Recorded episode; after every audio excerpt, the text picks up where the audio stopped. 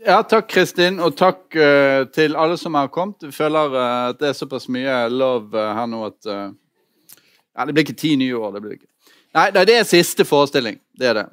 Vi, vi, vi, diskuterte litt om vi skulle gjøre liksom, noe, noe, spesielt, men vi fant ut at vi gjør heller enn bare en skikkelig god, vanlig kritisk kvartett. sånn at opplegget er som før. Fire kritikere, fire bøker, litt over en time.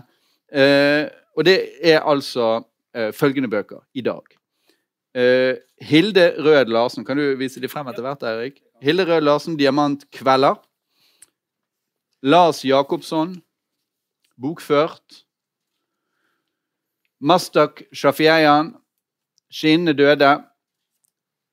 Brett Easton Ellis, 'The Shards'. Uh, på norsk 'Skår'. Vi bare setter i gang, men først så introduserer jeg da uh, panelet. Og det er først og fremst vår gjest, uh, da uh, Viktor Malm. Selveste Viktor Malm. Takk. som da er litteratursjef Nei, kultursjef kaller de det for. I Ekspressen. Vi kaller det kulturredaktør. I Ekspressen. Men han har også vært kritiker, mangeårig kritiker. Han har doktorgrad på Frostensen og Stig, Larsson. Ja.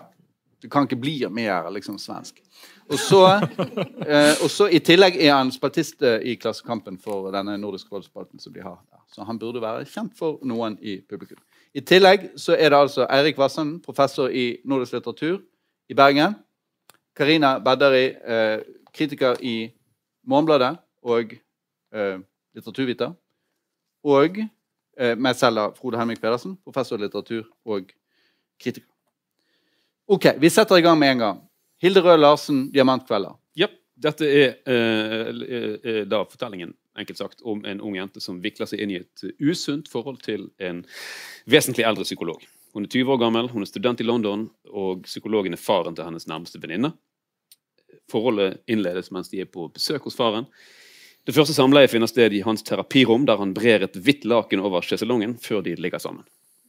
Og Hvis noe av dette høres kjent ut for noen, så er det fordi denne boken også er blitt uløselig knyttet til en eh, høyst virkelige personer og, og, hendelser, eh, etter at forfatteren før jul i fjor eh, gjennom en serie intervjuer gjorde det klart at dette er hennes forsøk på å gjenfortelle og gjenerobre sin egen fortelling, som handler om en ung kvinnes usunne forhold til en foreløpig ikke navngitt eldre norsk psykiater. Men dette er avisstoff. Vi har lest en roman eh, som sier at den er tre fiksjoner. Det er også vel en slags undertittel eh, her. Tre fiksjoner. Eh, og, og, Siden ingenting av dette biografiske var kjent da boken kom ut, så er det også interessant for oss å se på denne romanen eh, som roman nå. Det er en historie, men tre fortellinger, eller tre versjoner, som også er romanens tre deler. Første og siste del er jeg-fortellinger, som gjenforteller første og siste del av forløpet fra et voksent eh, etterpå.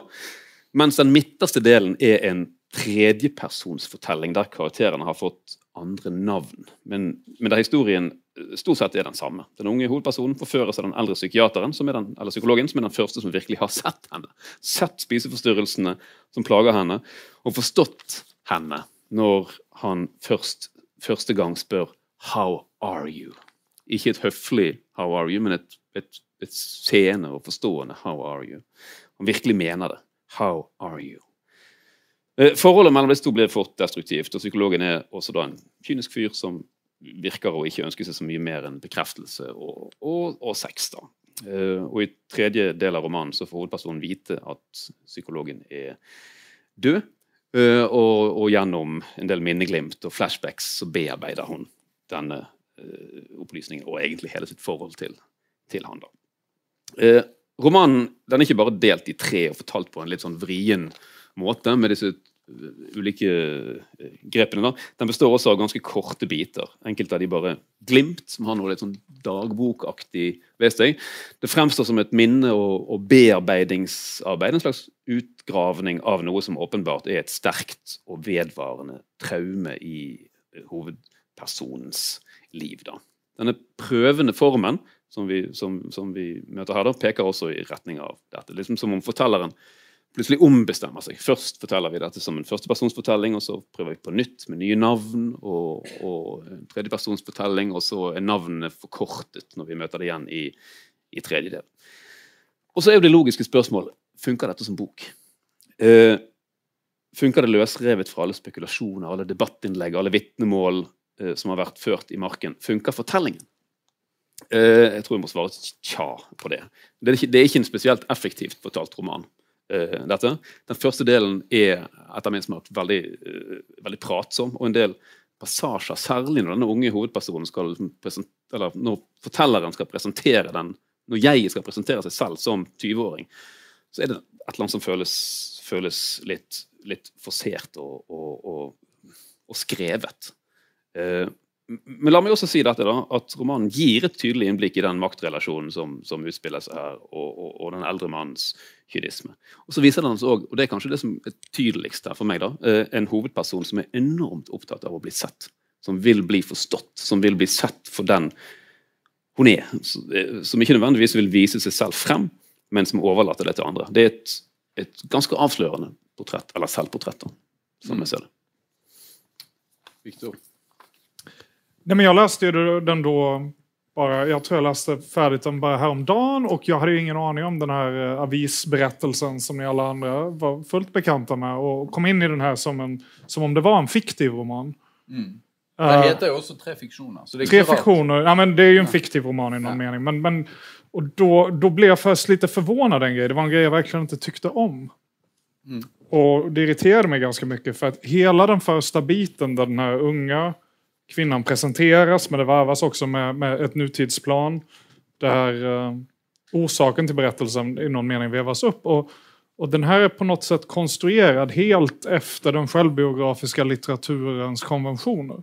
Ja. Det vill säga att massa betydelse, betydelselösa delar som bara finns där för att på något sätt skapa autenticitet lavas på varandra, men man förstår aldrig riktigt om det här är en fiktion eller om det här är en självbiografi och vad har de här delarna för syfte? Så jag tycker att i synnerhet i inledningen, innan man förstår vartåt det här barkar så finns det något genuint märkligt i den här konstruktionen. Som, jag hörde att den hyllades mycket i Norge för detta, men, men, men jag är fortfarande så lite tveksam till det.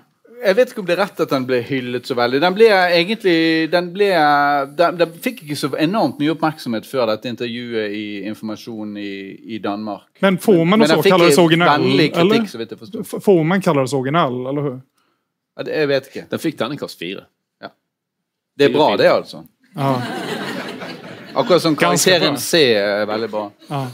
Eh, Karine? Nei, jeg tenker at uh formen beror litt på om man tror på fordi eh, det du ikke sa, var at jeg-fortelleren i nåtidsplanen er en voksen person, en oversetter mm. som setter seg ned for å skrive, men det er et eller annet som hun har fortrengt, på en måte, som hun må komme frem til, og som hun må liksom bearbeide, og begynner å miste hår og liksom eh, Ja, er i en slags krise, da, og, og har en historie som hun ikke klarer å komme frem til, som hun bare kan fortelle i fiksjonsform, viser det seg etter hvert. Mm. Eh, men samtidig så er den litterære konstruksjonen sånn at i hvert fall for meg er det litt vanskelig å tro på at, at det var så vanskelig for ho, eller, eh, denne hoved-jeg-personen, som liksom er denne oversetteren. Eh, det, det er liksom på, fra begynnelsen av tydelig at at dette er konseptet, at hun har en fortelling som ikke kommer frem til, i stedet for at det kommer faktisk frem i ordentlige refleksjoner, som jeg tror på som at en person sitter der og er liksom, Det er et eller annet sånn forkonstruert med de tre ulike delene. da.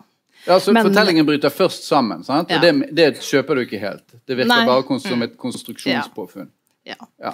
Selv om jeg tror på, liksom Eller jeg syns det er en eh, til dels god skildring av å ikke ville være et offer det er jo noe av hele poenget med romanen. At hun ikke vil være et offer, at hun har prøvd å ta kontroll over sin egen historie. Hun viser frem igjen og igjen nye eksempler på hvordan det har skjedd gjennom hele livet hennes. Liksom. At hun har hatt en kjæreste som aldri hadde lyst til å sove sammen. Og da, da så hun det som at ja, det passer egentlig ganske bra for meg, det også, at uh, han bare sover hjemme hos seg sjøl. Hun er ettergivende, ja, føyelig.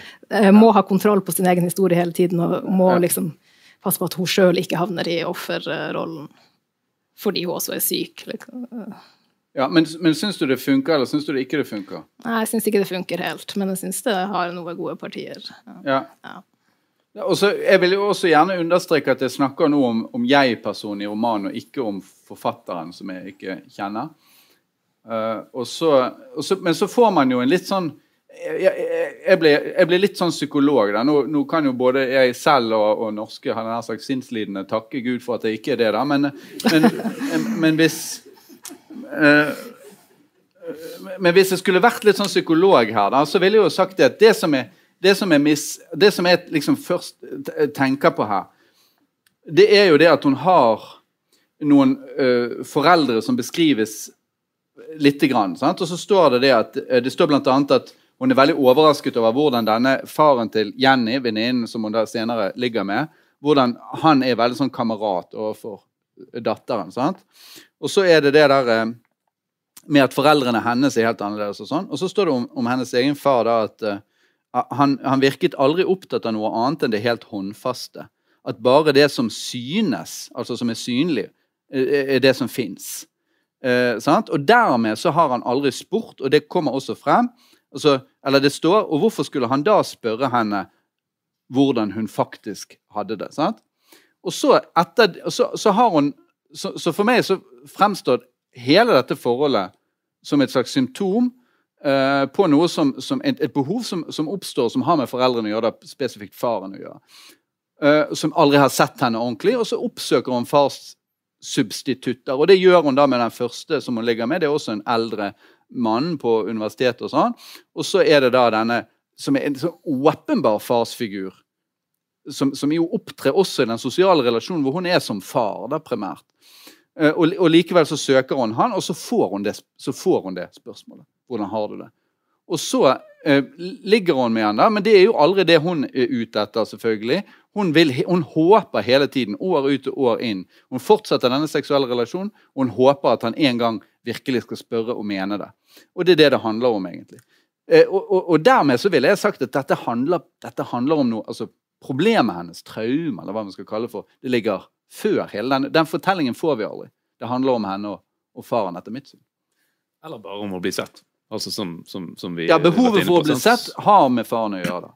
Ja, men altså bli sett på en bestemt måte, bli sett av noen. Og, og, og, og så tar det jo form av en slags jakt på den bekreftelsen. sant? For det blir, liksom, det blir gang etter gang. Med, særlig med, med denne psykologen, faren til venninnen. Eh, og hvor hun da skriver at hun hovedpersonen forteller da at hun ikke husker noen ting fra noen av samleiene, men hver gang etterpå håpet at nå vil han se meg. Mm. Eh, og så skjer det ikke så skjer det ikke den bekreftelsen. Og den siste gangen den er aller ekleste, da, for da reiser hun til London uh, under, for å møte han, uh, under dekke av at hun har noe annet der. Det er bare løgn, selvfølgelig. Hun vil bare se han. Hun vil bli, hun vil bli sett da, av han en gang ordentlig. Og det er det tarveligste, for da er han litt full og, og blitt gammel og sliten. og sånne ting. Ja, det er mange år senere. Mange år senere. Dette er tettere på nåtidsplanet. da. Og da, eh, og da ligger de sammen en gang på hans litt sånn skitne kontor. Eh, eller, eller terapirom eller, eller hybel eller hva det er for noen ting. Eh, veldig kjapt, bare så vidt han får av seg buksene, og så ligger de sammen. Og så istedenfor å se henne, så bare velter han seg over på siden og sovner.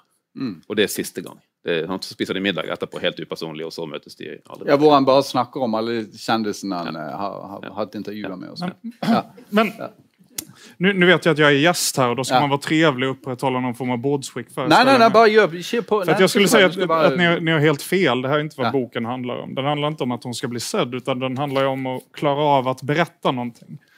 Vad det, vad det Carina var inne på i början här. Och det är liksom, kommer ni ihåg slutscenen när hon återberättar?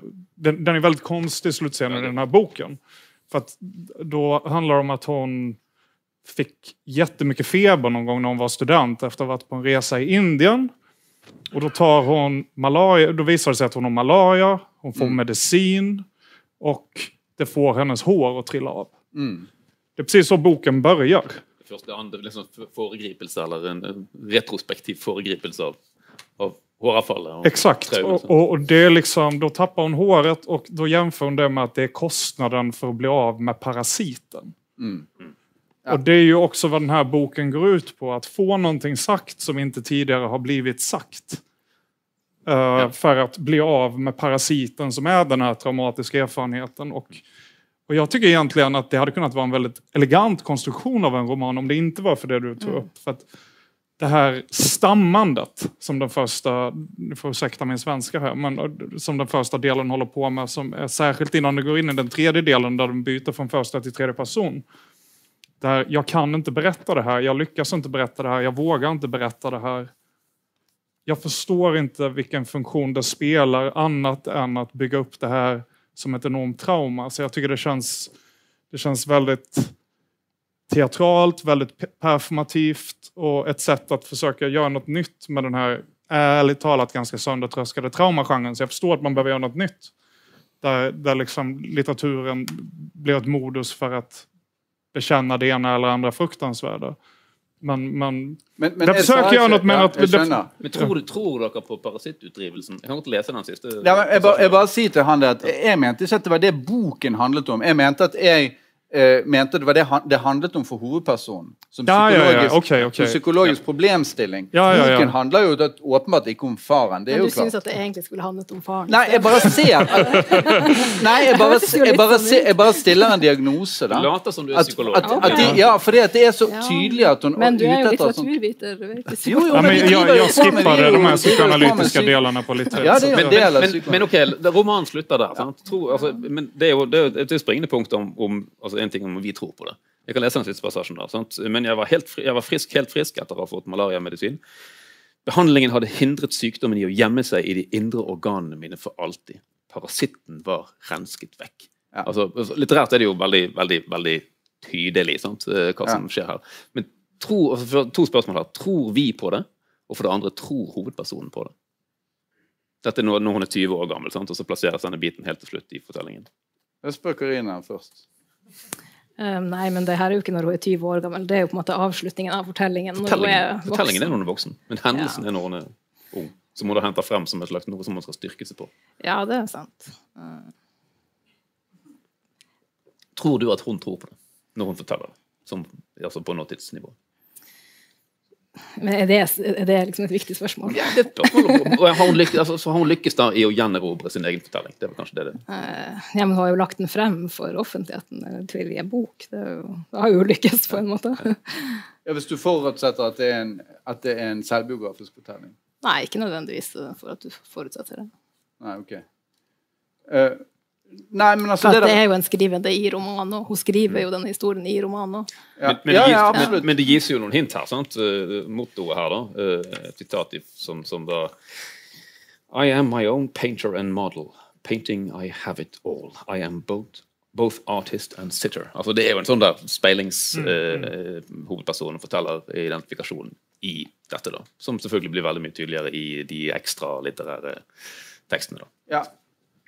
Altså, altså til, til, til liksom selve fortellingen så vil jeg i hvert fall for min del si at den er veldig det har vært litt sånn inne på den er veldig sånn akkurat så litt sånn pertentlig. Litt sånn tilkneppet. Litt sånn jeg, jeg, jeg, jeg fikk litt lyst til å si anorektisk, men det jo liksom vært slemt. Da. Men, men, men det, det er et eller annet litt sånn veldig kontrollert med det. Sant? Uh, og det, er, det passer jo til tematikken for all del. Men så er han jo også veldig sånn blottet for humor, blottet for liksom kraft, språklig kraft. Eh, sånn at eh, Og, og, eh, og så er det en del sånne alminnelige observasjoner, vil jeg, vil jeg også si, da, som, som, eh, som jeg syns altså Som f.eks. at man blir friere når man snakker et annet språk når man er i England. At det er deilig å bo i Norge fordi vi har fire årstider. Og sånne ting som alle har hørt hundre 100 ganger som vi sitter på kafé. Som er greit å si sant, i konversasjon, men som ikke bør stå i en roman, etter mitt syn. Men det fins først og fremst for de første 30-40 sidene. sant? Det er introduksjonen av den unge Ja. kvinnen. Men då måste jag säga att jag, jag tycker bäst om de 30-40 Jeg er faktisk enig i det. eh, Ja, första det er faktisk sidorna. enig. För att det är ganska mysigt där i början. Innan det här stammandet för att Ja, komma ja. åt den här traumabearbetningen börjar komma igång. För att sen tycker jag att den landar i en... en ni vet inte vad sommarprat är? Jo da, vi vet, Ni vet vad det. er sommarprat skjønner är? det. Ja. Eh, det, det är någon form av idé om att berättelsen renar. Att, t- Å för- nei. Ja, hva? ja, men Jeg trodde det var en sånn lett prat på TV. Jo, men det er etoset som ligger og koker der under. Bekjenn ditt mørke, så forsvinner det. Ja, det er så, sommer i P2. Mm. Ja, svenske Mm, radiosjanger som vi har importert fra Sverige. Har ni det? Beklager. Ja, ja da, vi har det. Vi er er, vi er godt kjent, vi er godt kjent med det, Ja, ja, ja. og vi har importert den Om ni jagade mig ut med piske piska härifrån så hadde jeg forstått. Eh, Eh, Men, men hva var poenget ditt med den sommerpraten? Nej, men etoset i sommarpratet är ju att du ska bekänna ett mörker. Ja. Först Ja. har din berättelse mening och berättelsen kan också driva ut det här mörkret. Det kan rena dig, befria dig. Ja. Och, och jag tycker att det, det är en form av samtidskliché som, som hela den här romanen egentligen är konstruerad efter. Även om det kanske är sant. Det kanske är så. Alltså det är väl också vad den freudianska samtalsterapin bygger på i någon Ja. mening. Att man ska, man ska liksom bli av med sitt trauma genom att prata om det. Det kanske är sant. Katarsisk. Ja. Ja. Men, men det är ju i mångt och mycket den här romanens form.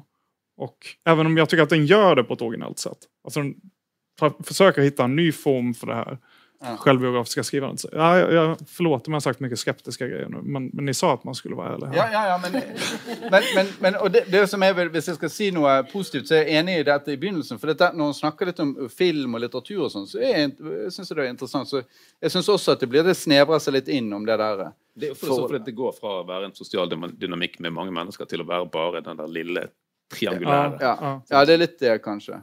Ja. Uh, men ja. Men, men så er det jo det bildet med det lakenet, da.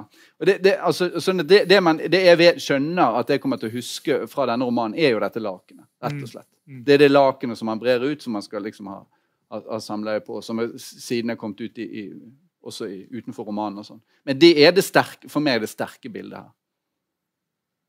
Før jeg får en ställa Eller det minneverdige bildet. Får, får jag ställa en fråga? Titeln.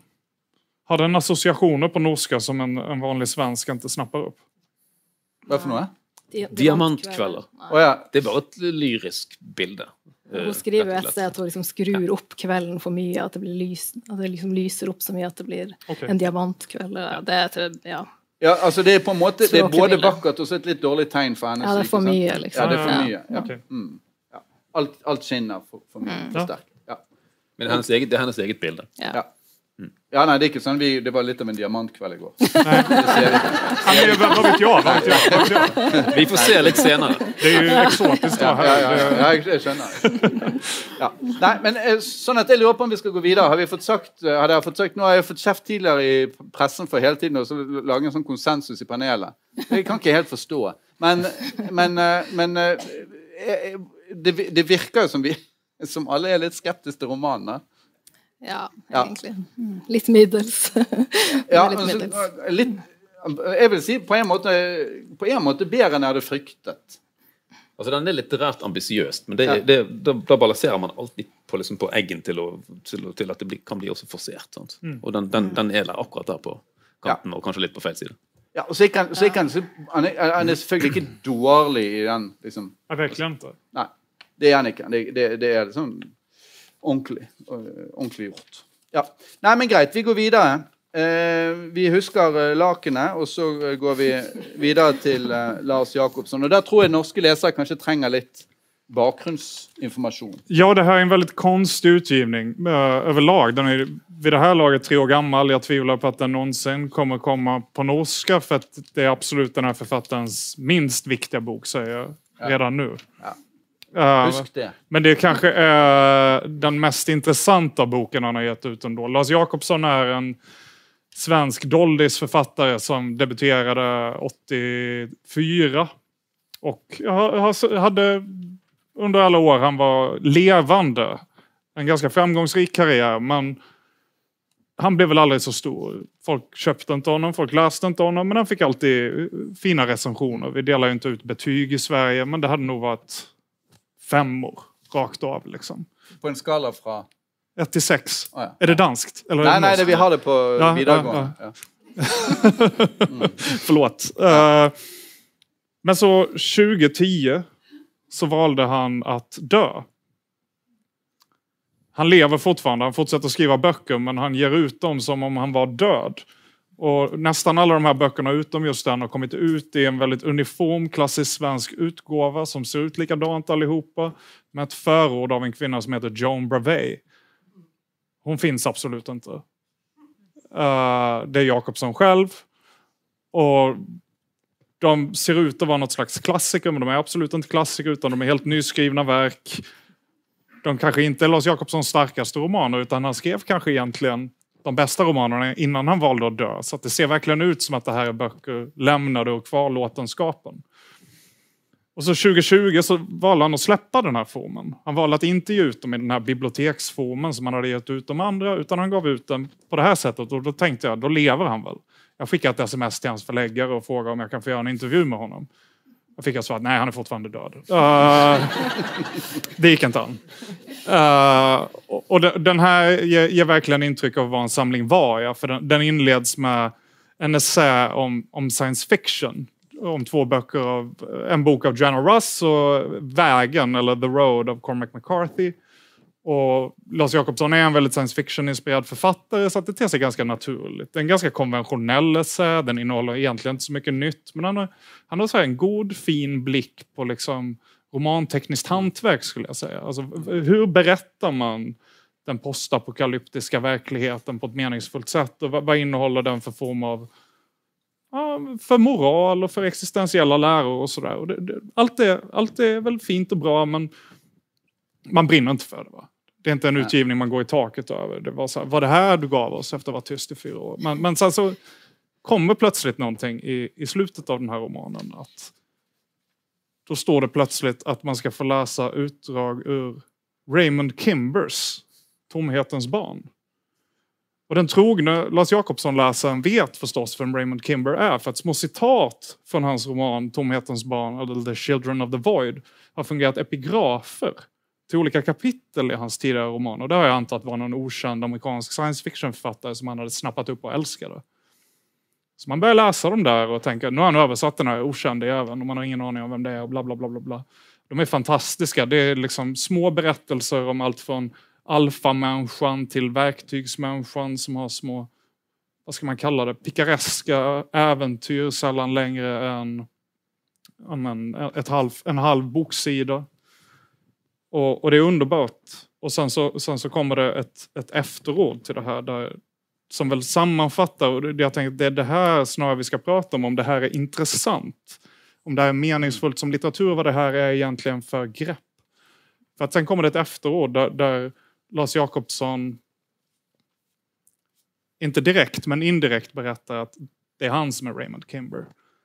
Den här författaren finns inte, jag har absolut inte översatt honom, jag har skrivit det här helt själv, men han skriver absolut inte det. Utan här måste man läsa mellan raderna för att förstå det. För att han berättar då att han gick in på en bokhandel i Köpenhamn och hittade den här romanen Tomhetens barn utskriven mer eller mindre från en gammal skrivare och med liksom en, ett handtecknat omslag. Och att han, han i åratal har samlat på sig olika utgåvor av den här boken som skickas runt mellan entusiaster i världen. Att den finns, finns i sex utgåvor och varje utgåva skiljer sig lite från de andra. Och så gör han en, en, en ganska konventionell essayistisk analys av innehållet i dem och försöker genom dem spåra vem den här Raymond Kimber-författaren egentligen är.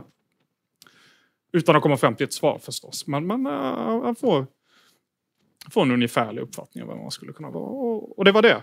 Alltså, och så är boken färdig? Sen är boken klar. Det var inte mer.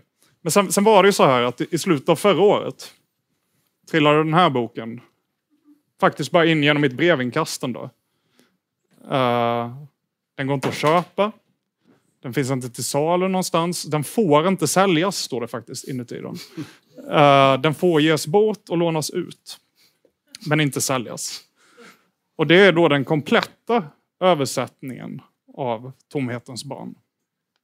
Gjord av Lars Jakobsson innan han dog 2008. och den är utgiven på ett förlag som absolut inte finns. Uh, förläggaren är nämnd här i efterordet. Och man får också ett litet visitkort från henne. Linda Barkelid, förläggare. Hon, fin hon finns heller inte? Hon finns absolut inte. Förlaget finns inte heller. Uh, men vad som finns i den, den er helt... Jag vet inte ens vad man ska kalla det där. fiktiva men högst reella litterära konstverket. Samtidigt fiktiva och väldigt reella konstverket är en form av upprepning av, återupprepning av, av Saltaren. Eh, fast korskopplad med Julio Cortazars Kronoper och Famer. Har ni läst den? Nei. Nej. Men, men det er Borges det minte med mest om, kanskje? da? Ja, men Borges min, minner det också. också om. Ja, och, ja. och det är bara väldigt fantasifulla, extrema, väldigt latinamerikanska mikronoveller som på något sätt försöker stava ut eller variera runt temat att allt är vind. Ja. predikeren kaller vi det. Mm. Ja. Mm. ja, hva sier du, Karina? Nei, hva sier du først? Ja, er faktiskt nämnd i en av de här eh, böckerna. Er Eller hur? fjerde, det er absolutt en fjerde. Du møtte han da før han eh, døde? Nei, jeg skrev om han. Jeg møtte han ikke. Eh, nei, altså, jeg vil jo si at det er jo ikke en bo... Det er jo, det er jo ikke eh, Det er jo ikke en, en samling av tekster som umiddelbart eh, skal man si, er, er, er lett å fordøye. Sånn at det er jo, det er jo, dette er jo tekster som, som ganske kjapt slår en som noe man må jobbe med. For det er veldig mye altså, de, de er enkeltstående tekster, fremstår de som. Og så etter hvert så ser man at det er tema som går igjen, og så ser man at det er forbindelseslinjer. Og så jeg tenkte litt sånn, Når vi, leser for Kritisk kvartett, så har vi ofte litt sånn dårlig tid, og så tenkte jeg å, ja, dette her er ting som, som må, må rett og slett må, må jobbe mer med. Men det som man kan si om de da, det er, er helt enig, de er fantasifulle på en sånn veldig ekte måte. Det vil si at du har eh, en full tiltro til at han har full kontroll over hva han prøver å gjøre med disse. Samtidig så vet du ikke helt hva du, hvordan du skal forstå det. Det er, det er en voldsom opptatthet av det litt sånn eksotiske. Altså Du ser det at han, han dras mot sånne verdener som er uoppdaget. Sant? En tid hvor, hvor det fins land utenfor kartet som, som er uoppdaget. Sant? Hvor det ryktes at det fins en by av messing, eller hvor det eh, ryktes at det fins en kyst hvor det ligger flasker som inneholder ginner, som eh, Salomo i sin tid eh, eh, fanget der. da. Så hvis du fisker med nettet ditt, så kan du få opp en sånn flaske, og så kan, og så kan du slippe løs en gin, rett og slett. Og det er jo altså det, det er den, kanskje Ja. den historien som går som en sånn tråd. Mm. Tydeligst som en tråd gjennom. De lengste historiene er knyttet til denne messingbyen. Ja, ja. Men, men samtidig så er mange av de andre Dette handler jo om mennesketyper. Så det er sånn CNN-menneske, f.eks. Sånn at det, det finnes ganske mange øh, av disse fortellingene som ikke har noe med dette som jeg nå snakket om å gjøre. Sånn at å, å, å lage en sånn helhet over dette øh, fremstår som vanskelig, men han sier jo selv hva som er nøkkelen. Nemlig alle skal dø, uansett om du er rik, uansett om du er lykkelig, uansett så skal du dø. Og det meste vi gjør, er å jage etter vind. Ja. Och, Ja. og alle, alle rører seg mot Mässingstaden också metaforiskt. Det vill säga att de rör sig mot någonting som de inte vet vad En, det är. en utopisk Ja. eh, visjon, som, som jo han identifiserer i dette foråret som kjernen i SF-litteraturen. Mm. Altså, Ja. Utopien er det liksom det eneste som har Når alt annet skrelles vekk, så er utopien det liksom siste som står igjen. da. Messingbyen i, i denne teksten. Ja. Men jeg må, må jeg si at dette får meg til å tenke på det får meg til å tenke på eh, eh, eldre litteratur. Altså For det første den, de der karakterstudiene, sant? Eh, som jo er en sånn klassisk, en klassisk sjanger. Og, og, og her er den på en eller annen måte løsrevet fra denne konvensjonelle moralanalysen som ligger i, i ja, karakterstudiene til sånne Rochefoucauld og sånne eh, eh, gamle helter. da. Eh, og mer koblet til en eller annen form for eh, altså noe stilisert, og noe som også hele tiden bygger på, på veldig sånn skarpe og, og fine eh, observasjoner av ting hentet ifra ja, vårt si, mediale, populære, moderne univers. da. Alfamänniskan var en sterk mann, kostfibrer, haikjøttsproteiner. Når han kjøt, knøt hendene, drogs armmusklene i hop så at huden blenkte som glas eller porslin eller terrakottaferget sanitetsemalje. Han kropp, hans kropp var som en kniv. Han holdt fram den under øynene på folk, menn og pojker mest. Altså, sånn, det er noe veldig sånn skapt i observasjonene da, som, er, som er helt konkrete. og, Og ofte, og ofte humoristisk. Ja, ja, ja. For eksempel den ja, der ja. kjepphestmennesket som alltid har, liksom, alltid har noe informasjon som du ikke kjenner til, og som man skal ha frem. Jeg kjenner litt fra min egen familie. For det, og det er, no, det er noe Har du hørt om det, liksom? Vet du hva det egentlig er? Det er noe genuint menneskelig i, i, i denne bredden av, av, av egenskaper. Det Da, det er kartotek ja. over menneskeligheten. egenskaper. nästan. Ja. Ja. Ja, Karina. Eh, jeg syns også at eh, ja, det er en merkelig bok å lese som ha, den første boken av han. da. Men jeg setter jo han kanskje Han er en av de som setter aller høyest av alle nålevende, eller døde, eh, skandinaviske forfattere. Eh, aller mest fordi at han ikke har skrevet så mye om liksom, enkeltmenneskets eh, fortelling, mer om liksom store tanker om menneskehetens forhold til uh, maskin, uh, til ja, SF-inspirert litteratur, da. Men i den her så er det mer med nede på et allmennmenneskelig plan, som dere to sier. Eh, samtidig som man har den lengselen ut. Eh, men det er mange sånn utrolig fine, små eh, Det elskede mennesket. Beskrivelse av nakkehåret hennes, liksom. som er ja, veldig flott. Mm. Men så så er det noe da, et annet spørsmål. Blir vi, Unnslipper vi apparatet? Unnslipper vi eh, konseptet? Eh, altså Klarer vi liksom å få, å, å få tap oss i hans eh, observasjonsevne og formuleringsevne og, og portrettkunst og sånne ting? For det, altså En ting er jo at det minner oss om de klassiske moralistene og karakterportrettene, men det minner oss jo også om hele dette konseptuelle eh, grepen. Leken med avsender, leken med proveniens og sånt. Det minner oss jo om 1700-tallslitteraturen. Uh, om den der uh, kompilatoren. da. Altså, det er ikke en forfatter, det er en, uh, det er en skikkelse som har noen som har funnet et brev gjemt i en skuff innerst i et skap i et hus som ingen har vært i på 50 år, og nå presenterer vi det for Ja, og det er jo en litt sånn forslitt, uh, selvfølgelig. Men han gjør det mer ekstremt. da. Litt sånn Klaus Beck Nilsen-aktig. Ja, Men men Sverige är svar på Klaus Nilsson. han, han refererar ju i det här efteråret till flera av mm. på-författarna Ja. och Calvin och, och jag vet inte om han nämner Perec, men det finns ju någonting som han då har drivit hela vägen in i sin kropp med det här. Att, han, han, men, men, men men jag tycker ändå att vi i den här boken måste jag, om jag, om jag får säga något krig, jag håller honom också högst av alla nu levande skandinaviska författare. Och just i den här boken skulle jag säga att man tyvärr aldrig kommer ut ur konceptet. Eller jag gör inte det. Jag är så Nej. hypermedveten om alla de lager av extra fiktion som man har vävt kring den här boken att jag kommer inte riktigt in i det. Nej. Alltså han har lagt upp lite för många spärrar. Jag skulle säga att när jag läser de andra postuma böckerna Ja. då slukas jag direkt. Då försvinner jag in i det. Det, här, det är inga konstigheter. Men, men här är det, som ni hörde när jag presenterade den, det tog en stund.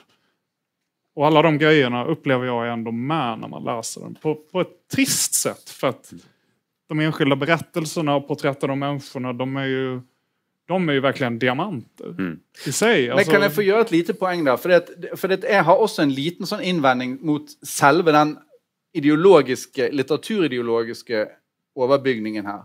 Og det kommer litt frem i det første essayet. Der sier han noe veldig interessant. Han sier nemlig SF, for de av dere som ikke vet som skriver SF med små bokstaver, så betyr det at du vet hva du snakker om. Hvis du, snakker, hvis du sier science fiction, så eh, vet du ikke hva du snakker om. Sånn at eh, science fiction er mainstream, og SF er på en måte den seriøse, litt mer marginaliserte, litt mer avantgardistisk, edgy litteraturen. Sant? Eh, innenfor den sjangeren. Og så sier han det at de som det er mainstream som fokuserer på katastrofen, på det pessimistiske, det negative, dette svart, totale svartsynet. Som man dere vil se på, på hvis dere ser HBO og The Last of Us og sånn, sånne serier. Så ser dere det. Det er det som er det kommersielle. Det er det som er på en måte det, det, det, det uinteressante. Det som er interessant med den ekte SF-en, det er at den, den lager et rom for menneskelig konstruksjon. Fordi at ok, du har en katastrofe, og så begynner folk å bygge. Så er det nye samfunn, nye ideer osv. Det er det som er interessant. Eh, og det er jo kjempeinteressant, for det han da sier, er jo et helt motsatt av det som vi er blitt vant til å tenke fra modernismen. Modernismen har det tragiske verdensbildet osv. Det, er det, som er den- det er det som er det nådeløse, det er det som er det seriøse. og sånn, mens, mens det som er mainstream, det er liksom romantisk komedie, og alt går bra, og alt er positivt. og sånn. Her er det snudd på hodet. Det er en slags mørk kitsch som han tar fast. sant? Men så, så kommer han med, med hun her Hva heter hun nå igjen? Joanna Russ. ja, Russ, som er et unntak. Fordi at eh, hos Russ så er det sånn at de overlevende på en eller annen planet, som er ganske få, de eh, bestemmer seg for at vi skal lage en ny menneskehet og sånn her. Eh, og så må kvinnene bare bli sånne fødemaskiner og sånn. Og så tror hun eh, ene personen der, hun tror ikke på det, så hun går ikke med på dette nye samfunnet. Så hun bestemmer seg for at alle må dø, og det er det rette her. Dette kommer til å bli et grotesk samfunn. Og så, og så får hun det til. Så dreper hun alle, inkludert av barn og sånn. Og, det er det, og det er det han støtter. Sånn at Det går helt imot det han da først sier, og det læreren spenner opp. Så sier han det at det er dette han egentlig, det er det som er den egentlig forhåpningsfulle. Det er det det hun sier, for det er et fritt valg, vi velger bare å avslutte. Vi ser nødvendigheten i øynene. Det er klassisk modernisme. Og så lager han og så lager han da disse her Jag etter vind-tekstene sine, som jo egentlig også er den klassiske modernismen. Så jeg skulle ønske at han, at han gikk litt mer i, i, retning av det som han først sier om SF. med Og skrive en idyll? Nei, nei, og lage konstruksjoner. Altså, ja, rett og slett mer oppbyggelig. da. Ja, ja, ja. Nei, men jeg forstår, jeg forstår hva du mener. for at for det er, litt, det er, litt, sånn kjedelig etter 100 år med sånn modernisme. så er det litt kjedelig det der med at alt er egentlig bare tomhet og sånn. da syns jeg. Men det, den, er, den, är, den er, jo anakronistisk i den meningen. Det er jo en anakronistisk bok og den er utgiven enligt den, den fiktiva historia. Den er jo fra 2008. Ja, den er jo fra Uh, Hins, fra hinsides graven. Nu skal, nu ska vi kolla når den er fra egentlig. va? Ja, 60-tallet, selvfølgelig. Uh, 71. 70-tallet. Ja. 71. Ja. men, men det er, det, det er på, den innvendingen er på et veldig sånn ideologisk plan. Jeg syns teksten er utmerket. Det, er, de er virkelig gode, altså. Det er de. Men det kan også hende at grunnen til at man får en fornemmelse av å rykkes ut av, ut av lesingen, er at de begynner på nytt hele tiden. Altså, sånn, selv om du havner inn i en vev av tekst, så er det også, som du sa innledningsvis, uh, en tekster det er litt ja, det, er ikke, det er ikke lett å bare skumme gjennom. Eh, man, man, stopper hele tiden opp, og man, man, si, man, dykker inn i teksten, og så må man opp igjen. og Da kommer man i forbindelse med rammeverket. Sant? Man blir minnet på at det spinner av uh, fiksjon. og Ok, men vi, uh, det, det, har vært skryt av denne boken som nesten aldri har vært på Kids Kvartett før. Altså Det er liksom den beste siden uh, Sterkt anbefalesverdig. Absolutt. Ja. Bedre enn Hamsun. Bra gjest. Bra gjest. ja, det, det, det, ja, i hvert fall så, sånn at det er Kanskje ikke for, for alle. Men vi tar neste. Ja. Mastak. Ja, Mastak Shafiyan. 'Skinnende døde'. Det er hans fjerde utgivelse. Han har gitt ut tidligere to diktsamlinger og én essaysamling. Den siste, altså essaysamlinga, kom, kom, ut sju år før denne nye. Så det er antagelig en bok han har arbeida med lenge. Det er hans første roman, og den ble nominert til Kritikerprisen for 2022. 'Skinnende døde' forteller om forfatteren, eller fortelleren forfatterens oppvekst i byen Koramabad, langt vest i Iran. I årene rundt 1987 eh, til 1989 omtrent, da han er fra rundt sju til ti år.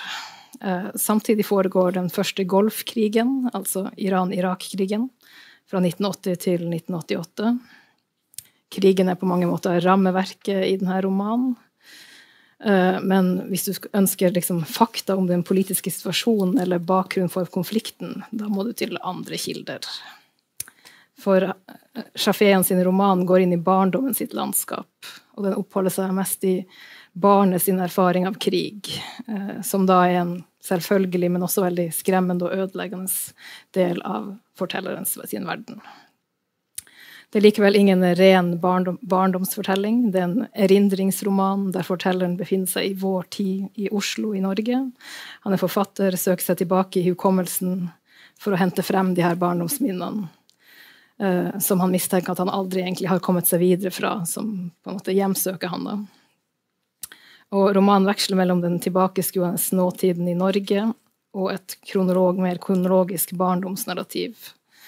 Der handler det om hvordan familien og fortellerens foreldre blir mer og mer utestengt fra samfunnet, og de tvinges på flukt. Eh, de er nemlig kommunister og i opposisjon mot regimet.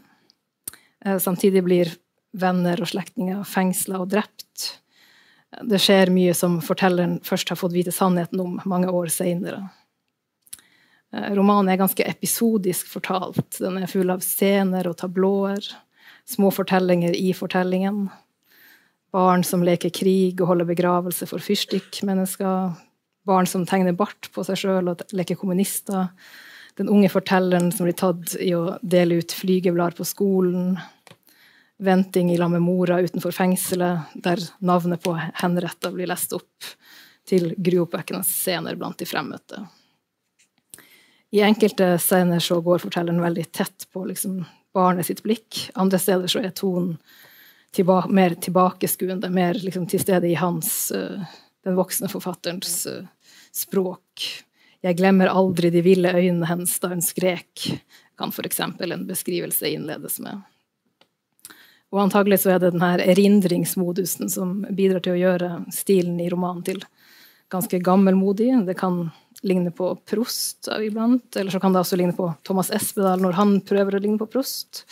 Eller på uh, Svein Jarvold eller Ole Robert Sunde, forfattere som Shafieyan jo har lovprist andre steder. Uh, men stilen hans i denne romanen er ofte litt mer omstendelig og tung enn de forgjengerne jeg har nevnt. På en måte kan man kanskje si at stilen med lange, malende setninger uh, mime liksom minnene og tidens strøm. At det speiler liksom fortellerens vanskelighet med å nærme seg de her minnene, for det er jo mye traumatisk som foregår. Men for min del så blir det ofte for stakkato. Setningene blir så lange at sammensetningen blir urytmisk og litt stiv. Eh, jeg har tenkt på mens jeg leste den Det er særlig liksom første halvdel av boka som jeg syns ikke er helt stilistisk vellykka. Og jeg tenker på om det er gjort med vilje, at det liksom skal være vanskelig å komme inn i, at det skal være liksom, at han tematiserer en slags vanskelighet til å bringe frem minnene i selve, selve den mangelen på flyt som jeg ser der. Men jeg vet ikke om det er det. Jeg skal lese et helt kort utdrag, hvis jeg kan få låne den. Sånn at uh, dere kan høre hvordan det er.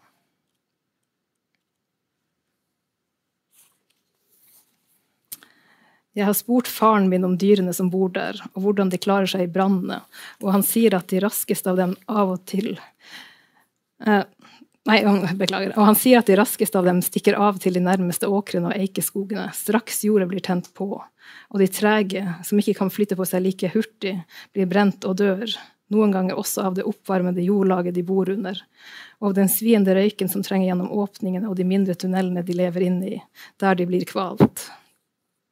Altså det er sånn ledd på ledd på ledd. Det, det mangler liksom en eller annen slags luft eller det er et eller annet uh, merkelig med rytmen i det da, som jeg ikke helt uh, forstår eller jeg ikke klarer å sette pris på. Hva sier du, Viktor? Nei, altså, jag, jag har fundert en del på denne romanen. Nå var det noen uker siden jeg leste den. Men den er jo Nå skal, skal, jeg si et ord som når jeg sier det kommer låte som en hyllning men också en skarp invändning. Den är väldigt fin. Mm. ja. Jag tror jag känner vad du menar.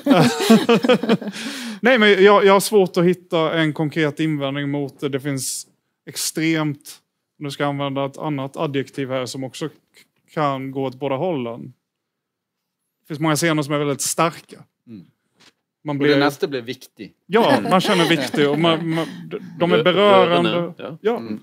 Alltså, jag skulle kunna stapla mm. samtliga kritikerklichéer för att beskriva den här romanen och de skulle vara ganska träffande. Mm. Jag, jag, skulle ha rätt. Uh, men, men, jag tycker att det du säger där om, om, om stilens malande, jag, jag har inga... Jag har själv inga större problem med det där. Mm. Utan man, man, kommer in i ett lunk här. Man, man, uh, Även om jag då staplade alla de här kritikerklichéerna så är det inte en roman jag, jag, jag bär med mig vidare. Förstår ni vad jag menar? Det finns en klyfta mellan... Jag tror faktisk jeg gjør gör det. Uh, alltså, det, du kan si det at uh, man kunne sagt noe så, uh, såpass enkelt som at en roman som du skulle ønske var bedre, rett og slett. Ja, kanskje. Ja. men men det, jag, jag, samtidig så ser jeg inget fel på den. Nej. Uh, men, men, det er lett å peke på stilistiske uh, feil. Sånn det er for mange ord. Mm. Så det der med ledd og sånn altså Det jeg tenkte, det var at jeg, jeg begynte å stryke bare ord. Bort med nokså ganske ja, ja, det masse ord i, i hver setning. Sant? Mange sånne moder modererende ord som man ikke trenger. Ja, ja. Så setningene er lange nok som de er. Ja. Sånn at, sånn men det er samtidig en kort bok, den går fort å lese. Det... Ja da. Mm. Og, jeg, og jeg, må si at jeg, jeg, jeg får litt lyst til å bare si en litt, litt sånn selvbiografisk ting her. for det at da jeg var ung lærer på, på universitetet, så fikk jeg en ung elev på tekst og kultur, og det var forfatteren Mastak Shafieyan. Uh, som var da en veldig spesiell uh, skikkelse, og som var utrolig sånn ekstremt interessert i litteraturfilosofi og veldig åpen og veldig humoristisk og veldig, på alle måter fin. Eh, og det der å lese denne historien, at det var der han kom fra, for meg er det det sterkeste ved denne, denne romanen. Rett og slett å, vi, å, få, få, vite om hvor han, hvor han kommer fra. Og, han, og, at han faktisk er et krigsskadet barn. Ja. Og, det, og, og, det, er liksom for meg hovedsaken her. Altså det er veldig viktig for meg å, å rett og slett å understreke. Ja, jeg har eksakt samme, samme tanke. Ja. Jeg tenkte på, Først og fremst når jeg leser dette, tenkte jeg på Mastak. Ja. Stakkars unge. Ja. En sånn omsorgsgest der. Og så tenkte jeg også da som en, som en annen leser som Karina at kanskje kunne ikke første del vært, vært redigert litt strammere. Fordi det skjer et eller annet. Første del er jo sånne glimt. Sant? Første delen blir vi kjent med familien, scenene, omgivelsene gjennom disse episodiske øyeblikkene. Det er porsjonert mm. ut litt sånn forskjellig. Litt her, litt der, litt der. Mm. Uh, og så skjer arrestasjonene, og så begynner henrettelsene. Eh, for fullt. Da, sant? Og da er vi plutselig inne i en historie som handler om, om en familie som er på flukt, som, som, må flytte, som blir hundset, som blir kjeppjaget og som ikke finner steder altså, da, da, da, er det et mer tradisjonelt narrativ som griper. Mm. Eh, eh, og så er det noen enkeltscener der som, som er så jeg vet ikke, Hvilket foretrukket uh, adjektiv? Sterk, rørende, gripende. Eh, eh, eh, voldsomme, da. Eh, fortellingen om Det er jo en som er så god og så eh, Hva skal vi kalle det for noen ting? Ja, rørende. At det er nesten ikke til å tro på. Det er historien om flygebladene. Mm. han, han, har forstått at, at han må støtte familien sine synspunkter. Kampen mot, den illegale kampen mot Khomeini må føres. Han knabber faren sine skrivepapirer og, og skriver 'død over Khomeini'. og Så tar han de med seg til skolen for å gjemme seg bakerst i klasserommet. Kryper ut etter at skolen er stengt, for å dele de ut, da. Anonymt. sånn. Og så bare løper han inn i vaktmesteren. Sånn Flygebladene fyker ut alt og tror at nå skal alle sammen Nå er det slutten på alt. Nå blir han tatt og rapportert, familien eh, blir satt i fengsel, og det er hans, hans feil. Og så viser det seg at da vaktmesteren er en sympatisør, at det er en form for en form for uh, lojalitet der, som man da for første gang opplever. Lojalitet mellom de voksne som står et annet sted, og som anerkjenner familien sine politiske holdninger. og sånne ting. Den er så, den er så velkomponert at den nesten, det er nesten ikke til å ja, tro på. Men, men, den er jo litt vel litterær igjen. Ja, den er, det, er, det, er et lite eventyr inne i en bok som er ja. veldig men, så du liker det dårlig? Jeg, liker, jeg, jeg mente det var det, det, var det klart mest effektive og intense stedet i romanen. Plus, men, men den har jo en annen scen som er nesten helt analog med den. Når de først gjemmer seg for et flyganfall, alle barna springer ned i, i et skyddsrom, ja. og beretteren gjemmer seg i et klasserom, og sen etter at alt er over, så slår han sin kompis i magen. Han, sin, han den eneste som har vist han noen form for omsorg og kjærlighet på gaten. Ja, og denne her pojken er veldig mobbad, og ja. han har en far som er narkoman. og, og sånn, så når, han, når, når, når det letter, så springer han forbi honom og helt uten anledning slår honom i ja. magen. Mm. Jeg skal forklare grunnen til at den ikke, jeg ikke syns den er så sterk. Og det er at når han skal introdusere denne Manchengi eller noe Shegeni. Shegeni, ja. Schengen. Schengen. Ja, ja. Uansett. La oss kalle han bare for gutten med sykkelen. Eh, eh, når han skal introdusere han, så holder han egentlig på med noe annet. Og Det mener jeg er en sånn narrativ problem som, som er i denne romanen av og til. At det der med å lage erindringsbilder mm. tar over for alt som heter narrativ effektivitet, og det å bygge opp eh, en, en form for fortelling. Sånn at han har en fortelling om en nyttårsfeiring som ikke blir slik den skulle være. Eh, og eh, Da har familien vært på utflukt. Og vi får alle slags skildringer av nattehimmel og, og, og, og alle slags forskjellige objekter, som er typisk som minneskildringer. Eh, men det han egentlig skal ha frem, det er at når de kommer inn igjen i byen, så er byen forandret. Den er totalt forandret. Og grunnen til det er at de har sett på TV en irakisk by som er blitt angrepet med kjemiske våpen av Saddam Hussein. Ja. Og inni dette, hvor, hvor, du på en måte er inni den utrolig uhyggelige sfæren, hvor det er det du egentlig er interessert i som leser, der introduseres denne gutten med sykkel. Så for meg så blir han en veldig sånn parentes der. Sånn at jeg får ikke tak Jeg går på en måte litt glipp av han. Og det mener jeg, jeg skyldes ikke meg, det skyldes måten det er konstruert på. Og sånn at når han da slår han i magen, så må jeg bla tilbake. Hvem var nå det igjen? Eh, sånn at det har Da ikke noe lest, da har du lest for fort. Altså, Ja, nei, men jeg mener, jeg kan han, forklare- han, Han husket det. Nei, han husket det med en gang. Ja, ja. Eh, Ja, men jeg kan forklare. Jeg har skrevet det ned sånn grundig. Hvorfor, hvorfor, hvorfor er han på en måte skjult i en annen når han egentlig holder på med noe annet som fortellermessig logisk sett? Det kan jeg fortelle deg. Og det er fordi at Mastrak prøver seg på noe som slags sånn her, Han hermer etter Det er det vanskeligste i hele verden. Han hermer etter Homer. Han lager sånne semiliske utposninger på fortellingen sin innimellom, og det er selvfølgelig ganske vanskelig. Eh, og noen steder funker det. Jeg synes det, akkurat det eksempelet der det svekket ikke Shegeni-historien, for han husket det veldig klart. Men det svekket følelsen av å komme til en spøkelsesby. Ja, nettopp. Sant. Det gjør det iallfall. Ja. Ja. Det den, det, Fordi den- at han hele tiden går, begynner med andre ting. Mm. Og så litt sånn, Hva er det på TV-en? Og så sant, er det jo forferdelig sterke bilder. Og så begynner han å skildre liksom landsk, det kurdiske landskapet bak. Så går det bakover der. Sånn at et, og det kan man forsvare som et Rett og slett ved å si at det er det som er prosjektet. Og, og da blir min innvending på en måte OK, ja, eh, ja OK, men du tapper romanen for narrativ energi, da. Det gjør du. Og det kan jo være bevisst. Men jeg syns egentlig at de fortellingene ofte er mer klisjéfulle. F.eks. den med flygebladene. At det blir litt sånn klassisk krigsbarn. Eller det hvor han finner et sånn lite gresskår som han liksom holder opp mot himmelen, og så ser han hele jorda sprekket. Og så, altså, det er også et bilde på romanen på en eller annen måte. Jeg bare, Nei, det går jeg ikke med på. Eller det likte jeg ikke, da. Eh, Du jeg liker, jeg liker bedre de ene små tablåene, f.eks. når han er med faren, og så ser han en uh, ku med menneskehode plutselig, som bryter helt med realismen. Det likte jeg, for Men det er jo noe, det er noe det er, Ja, jeg- jeg- Akkurat det du er inne på det med glasskår og sånne ting. Det er noe litt sånn Hva skal vi kalle det? Noe, noe ambisiøst ved denne romanen. Han er ikke redd Ja, for det er det. Han er ikke redd for patos. da. Nei, det Det tør han. Nei da. Men, men behöver den inte den här inledningen som ni inte var lika förtjust i? För jeg jag är ganska glad i inledningen. När den liksom rullar ut. Absolut inte en idyllisk situation, men, men en, en situation som mer liknar idyllen än de senare passagerna. Alltså en normalitet. Uh, någonting där hotet inte har trätt in och blivit riktigt närvarande än. Och sen så kryper det in mer och mer och mer och mer våld i den här berättelsen. Ja, det blir värre och värre och Det blir ett crescendo av våld. det är- Precis, och den ja. upptrappningen kräver ju den här långsamheten i början. Och jag, det tycker jag är en båge. Men den som langsomheten er är hele genom hela, etter mitt syn. Ja, kanske den har en viss hjemvikt. Det kan jeg holde med om. Men Men, men altså, det, det er sånn som det Karina sier nå, det minner meg litt om når vi diskuterte Gurna, altså den nobelprisvinneren. sant? At, at du vil på en måte ikke ha den fortellingen. Du leier fortellingen, vil ikke høre om det er fortellinger mer. At Du vil ha et eller annet annet, eller noe sånn prosalyrisk og sånn. Og det går jo fint an å si. Absolutt, det er helt med på det. Det kan du gjøre. Eh, men men du, det har en kostnad der, det er bare det jeg sier. Eh, og jeg tror at denne romanen eh, jeg tror at denne romanen For det er på en måte en roman som jeg har hatt en følelse av i norsk offentlighet at veldig mange hadde lyst til å like litt bedre. rett Og slett. Og, at, og at han kunne ha blitt på en måte, han kunne feid all tvil til side og blitt ja, tatt så å si eh, leserne med storm. Det har ikke han helt gjort.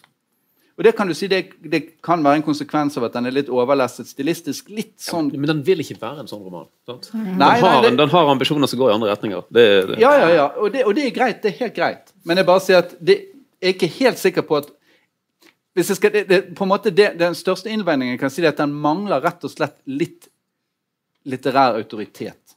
I motsetning til f.eks. Lars Jacobsen, som har full kontroll over hva han driver med. Så er jeg ikke helt sikker hele tiden her på om han helt har kontroll på sine egne grep osv. Ja, enig. Ja.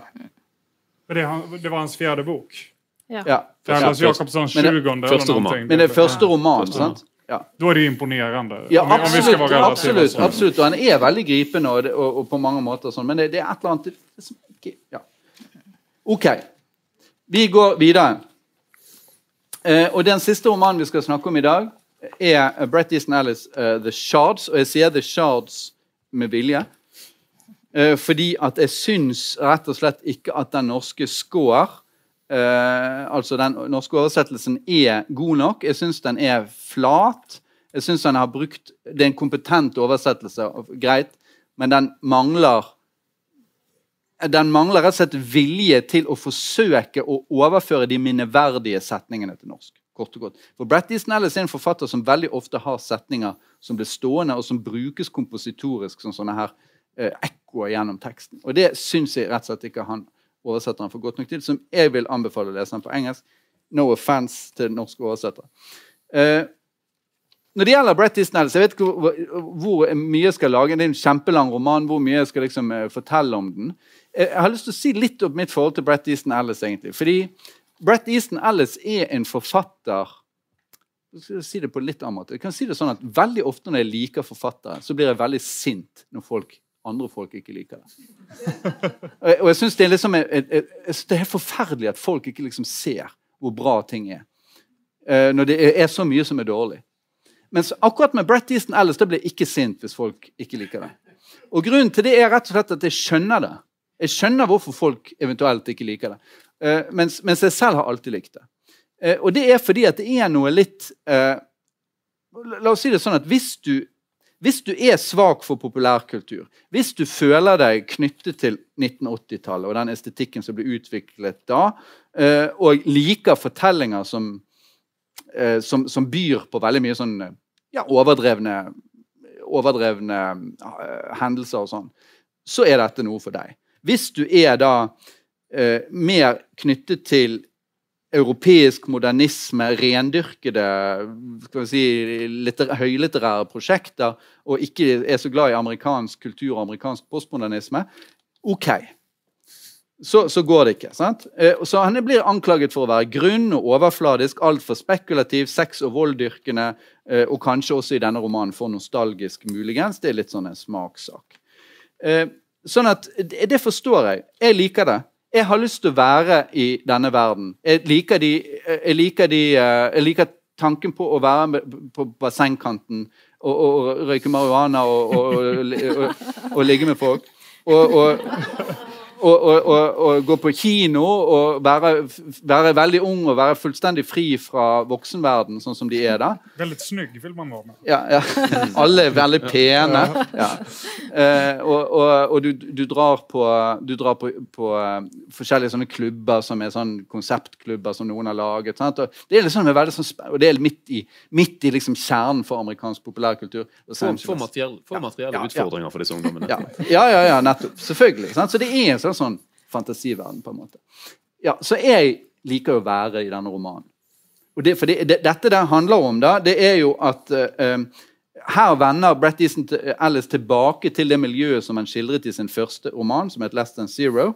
Uh, bare at han nå foregir å fortelle så å si hva som egentlig skjedde den gangen, høsten 1981, uh, da han og vennene hans var avgangselever ved denne skolen som heter Buckley School i Sherman Oaks.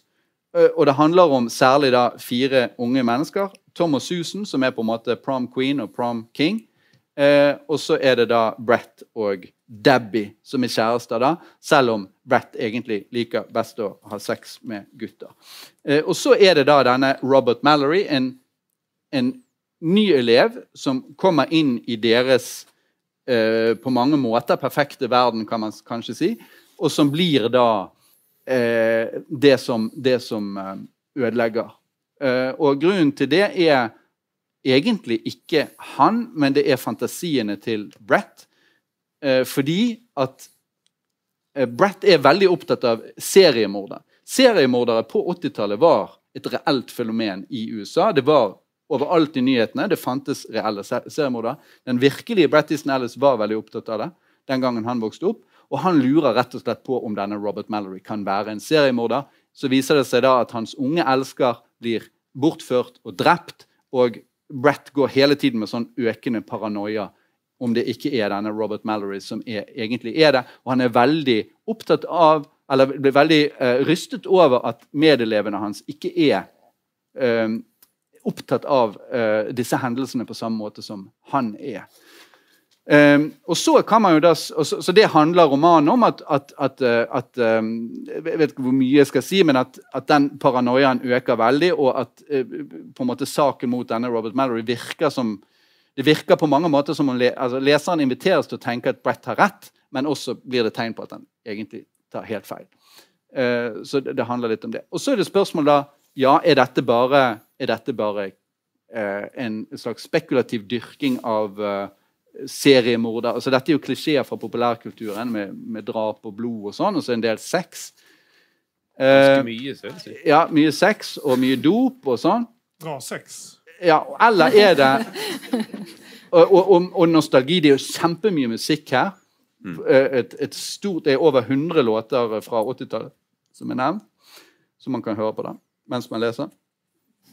Er dette da ren sånn eh, eh, spekulativ dyrking av, eh, av 1981-stemningen, nostalgisk osv., eller er det en form for, også en form for satire, eller også en form for, som han selv har sagt i et intervju, eh, en, en, utforsking av hva privilegert ungdom faktisk kunne komme unna med? Ja. Hva sier du, Victor? Får jag, får jag vara lite hyperbol när jag Ja, pratar ja, om den här ja, ja, romanen? det. Er är det okej? Ta inte mig helt bokstavligt nu. Jag skulle säga att det här är faktiskt en sensationell roman. Ja. Och att den, jag fick för första gången på väldigt länge, tio år kanske, känslan av att jag hade läst något nytt. Ja. Jag tycker det är det bästa Bret Easton Ellis har skrivit. Och det, det finns två skäl till detta. Ja. Den utger seg sig för att vara en självbiografisk roman. Ja. När man börjar läsa den tror man, för att det finns så många tecken på det. Om man har lyssnat på Bret Easton Ellins podcast så vet man vad hans kille heter. Han dras in i början, de åker runt i, i Los Angeles, de ser någon kvinna, allting verkar verkligen vara på riktigt. Och Bret Easton Ellis är så bra på Ja. att få den här helt fiktiva berättelsen och känna som om det var en självbiografisk berättelse. Ja. Det är bara en parodi på detta. Det är helt och Ja. hållet en parodi på detta. Ja. Det är inte det minsta självbiografisk berättelse, men han använder alla komponenter som den självbiografiska berättelsen har Ja. för att parodiera dem.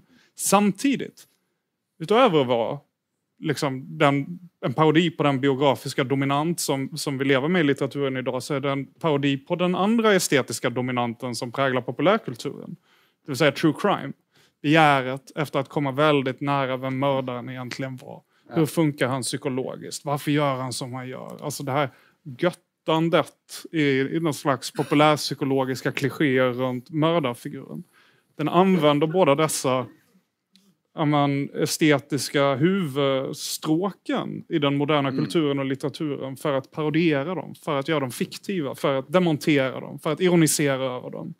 Och lyckas ändå göra det här med en känsla av sanning. Som att den förstår dem och tar dem på allvar. Den dubbelheten Mm. tycker jag... Och det, här kommer jag till det hyperbola. Ja. Destruera den makt de här båda dominanterna har haft över åtminstone mitt medvetande och förhoppningsvis alla som sitter i det här rummets medvetande efter att ni har läst den. För att jag tycker att efter den här romanen kan vi ge upp de självbiografiska romanerna och vi kan ge upp true, true crime. Bra jobbat Brett Easton Ellis. Nu tar vi en gavöl. Så nå kan, nå kan autofiksjonen kan bare fordampe. Ja, slut. Ja. The autofiction to end all autofiction. Exakt. Ja, ja.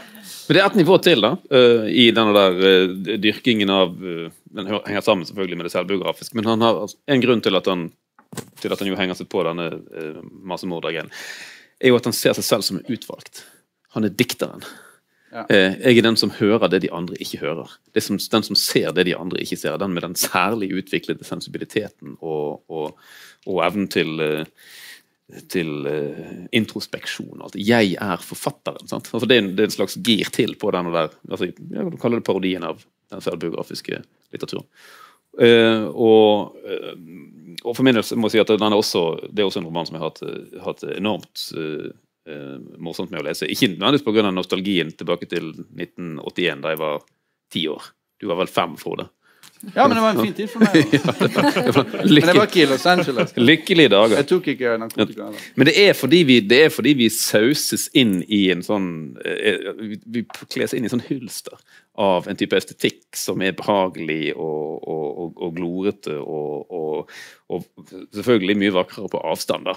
Uh, Ja, ja, enn en, enn den var da. Sant? 1981 i 1981 var jo bare 1981. Sant? I dag er det noe helt annet. Eh, og, og, og, og et annet, en annen tematikk som han har utforsket også i hele sitt forfatterskap, er jo denne, det som han kaller nummenheten. Mm. Og man blir som leser nummen eh, av å lese den romanen. Er det positivt? man man blir, la meg fullføre. Han, han blir, man blir eh, nummen, og man blir på en måte hyperfølsom da, inni den der eh, numne pakken av, eh, av ulike estetiske elementer. Sånn at eh, det, som, det han gjør på slutten, prøver ikke å, å, å, avsløre for mye, men han skrur jo opp, da, eh, sånn at det blir til en spletterfortelling. Eh, eh, og, og da plutselig så rykkes man ut av nummenheten og konfronteres med hvor langt ned man har vært i den sausen av sex, eh, av dop, som er den største tingen i verden. sant? Så når jeg våknet her forleden, så tenkte jeg at jeg får vel kneppe i meg et par Quailudes og en Valium for å komme i balanse, fordi at det skjer hele tiden. sant? Det er ingenting som foregår kjemisk uregulert. Alt er på. Så man dras inn i dette universet, og så bare støtes man ut av det igjen. Og da dukker den refleksjonen som, som Viktor veldig fint uh, uh, satte ord på her. At man står utenfor, og, og plutselig så ser man at dette er en analyse av, av et samtidskulturelt og samtidslitterært fenomen. Men tenkte du det? Nei. Ikke på samme måte. Eller? Jeg kjente på den avstandsfølelsen, men ikke før Ja, Viktor uh, presist uh, satte Ja, ord på akkurat den der Jo, men altså, hvis du kaller det dekonstruksjon av to uh, samtidskulturelle fenomener, da. Sant? Ja, men Eh, det, destruksjon, destruktion, men vi kan kalle det dekonstruksjon. Det er mer litterært. Ja, hva sier du, Karina? Ja, nei, jeg har egentlig opptent samme opplevelse. Jeg syns det er gøy og ubehagelig å lese og liksom eh, Ja, jeg kan ikke si at jeg liksom sitter og har lyst til å være der i bassenget men, som du, men eh, Men, eh, men jeg syns i hvert fall det er interessant å lese også sånn psykologisk om Brett. Han har så mange lag, da, og han prøver å skjule seg sjøl. Jeg syns ikke det blir mindre interessant fordi at eh, eh, fordi at de er veldig privilegert, og at de er noen drittunger, liksom. Det er greit. Du kommenterer jo det også. Sant? Det er et ord man har brukt før. Sant? This is total, absolute empire. Empire er jo uttrykket hans for den, den maksimalt privilegerte eh, posisjonen. Jeg har egentlig irritert meg mer over et par norske anmeldelser som bare Nei, jeg syns det er så kjedelig å lese om liksom, så kjedelige ungdommer som har sex, og så kjedelig og de privilegerte i Los Angeles. Nei, nei, nei. ja.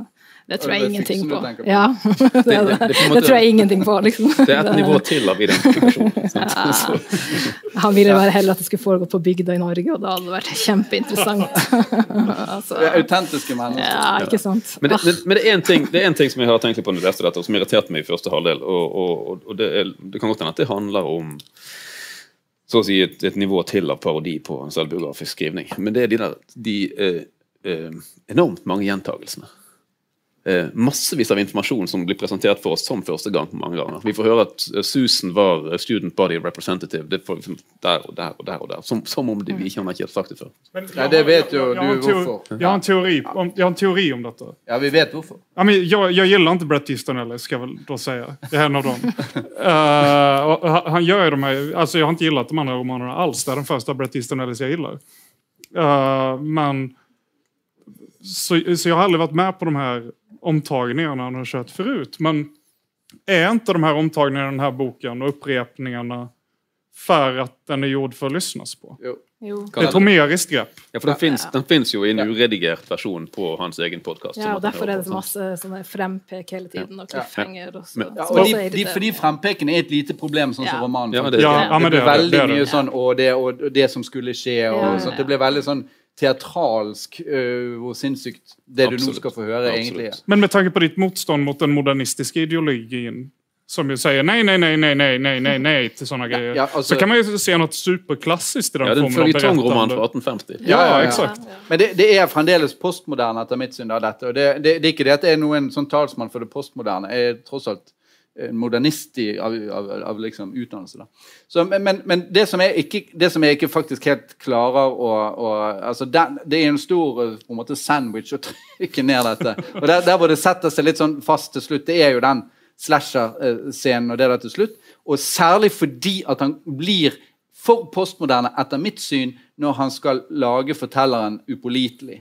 Når, når det liksom skal være det at det er egentlig han som er morderen. Altså, jeg tror bare sier det. Altså, det, det, altså, altså, det, det er litt sånn her Det er jo egentlig en klisjé. sant? Ja, det er en kjempestor klisjé. Helt enig. Det er sånn, Man. Vi må nesten snakke om det. Ja. synes jeg. Han, tar det et steg siste kvartett. Ja, for du Han tar det ett sitter, ja. Ja, ja. Du sitter på slutten og tenker nei, skal dette bare være en drøm? Skal det være bare noe av fantasi? Sant? Det er sånn Altså, det er idé, altså. bittmerke. Nei, nei, nei. Man, lurer, på- man lurer på om det plutselig skal slutte som Fight Club. Sant? Altså, det, det ville vært bare, bare se bort fra det, mitt råd til leser. Bare les den og kos deg, og, og så se bort fra det. Der. For det, det hadde vært bedre om han Mallory var morderen? Og han dödade Nei, nei, jo, det jag tror tycker det. Ja, jeg tror jeg tror kanskje ikke Jeg tror, jeg tror så Jeg har tenkt mye på det. Ja. Jeg tror, jeg tror faktisk Hvis jeg hadde liksom eh, skulle råde han som redaktør, så ville jeg ha gjort det sånn at Mallory hadde gjort et eller annet. Mm. Men ikke være liksom the trawler. Ah, okay. Okay. Okej, Det ja, ble men- for ja, mye. ja. Sant? Men at han hadde gjort et eller annet, men at, at, han var, at han var at han var, hadde vrangforestillinger, er klart at han må på en måte ha. Mm. For at det skal funke dekonstruktivt, sånn som du vil. Ja. Så, så det tror jeg, men det, han går for langt, rett og slett. Og så blir Ja. Men, og den hele den, er slasher-scenen til slutt. Ganske bra skildret i og for seg. Ja, ja, en del gjentagelser jeg syns ikke den var så god. En del Ja, du føler de knivstikkene, iallfall. Nei, ikke. Ja, for det, det, Jeg la inte ifrån mig boken med det jeg leste. Nei, nei, Han fikk jo til spenningen. Det Ja. får man gjøre. ja, det var noen som banket på kontordøren min akkurat. Ja, det ble for mye. Ja, ja, det ble litt for mye. Men det, ja, for det, for det, det er også et poeng. Da, Han, Han, han bruker den siste scenen der til å på en måte flykte fra det som man kaller da, den glatte tenåringsverdens 'prison of numbness'. Plutselig blir det veldig virkelig. Ja. Men så går det, blir det for virkelig. Da. Og der blir, det så, der blir det så mye at det blir uvirkelig igjen. Ja. egentlig. Ja. Eh, så, så, ja. Men jeg, veldig, eh, jeg tror vi må rett og slett avslutte. Tiden er ute. Inne. Og jeg bare sier at jeg var veldig fornøyd med at dere eh, likte den Bretty Snelle såpass godt. Jeg jag elsker den. Takk. Ja. ja. OK, da takker vi oss for oss for alltid. Eh, veldig kjekt at det kunne komme så mange her i dag. Og så vidt jeg forstår, så blir det rett og slett litt grann sosialt eh, nå etterpå, så det går an å bli værende også etterpå. Musikk. Fest. 80-tallsmusikk. 80-tallsmusikk med DJ Yngve Knausgård, som, som da eh, kjenner 80-tallet bedre enn eh, nesten Noen av oss. ja, ja, ja. Yngve fra, han er fra 80-tallet. OK, tusen takk for oss.